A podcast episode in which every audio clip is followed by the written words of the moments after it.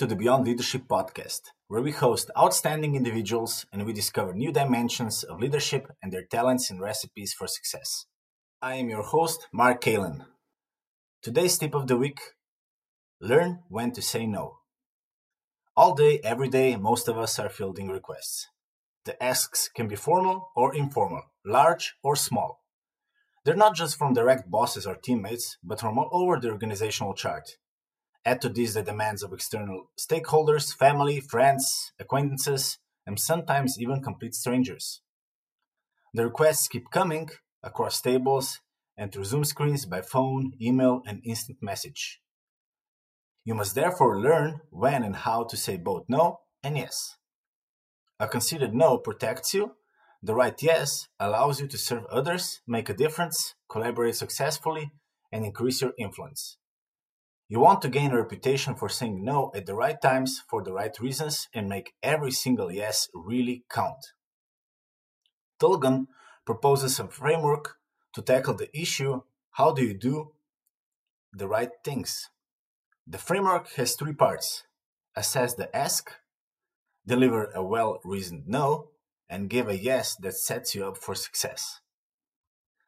Assess the ask. When you say yes or no to a request, you're deciding where to invest your personal resources. So give the choice the same careful consideration. That starts with insisting on a well defined ask. You should clarify every aspect of the request by answering the following questions Date and time of the request. Number two, who is the asker? Three, what is the deliverable being requested? Be specific. Number four, by when does it need to be accomplished? Number five, what resources will be required?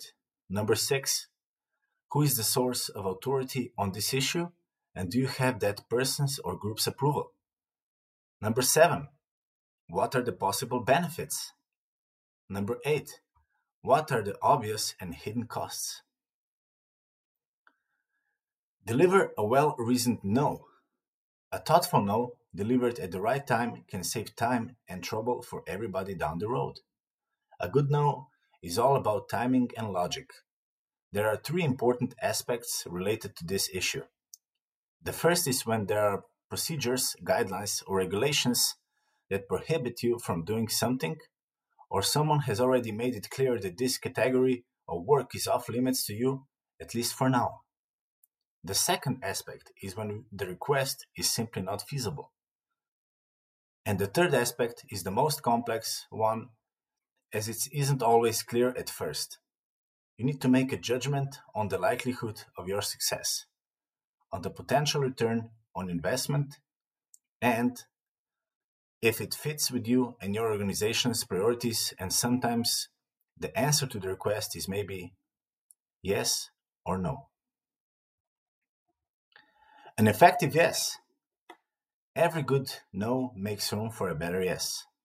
And that adds value, builds relationships, and enhances your reputation. The key to a great yes is clear communication and a focused plan for execution. Now, most people have too much to do and too little time.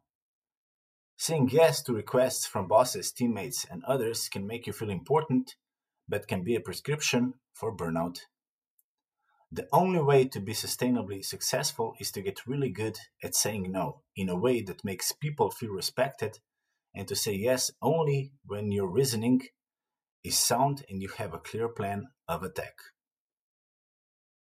This was tip of the week number two.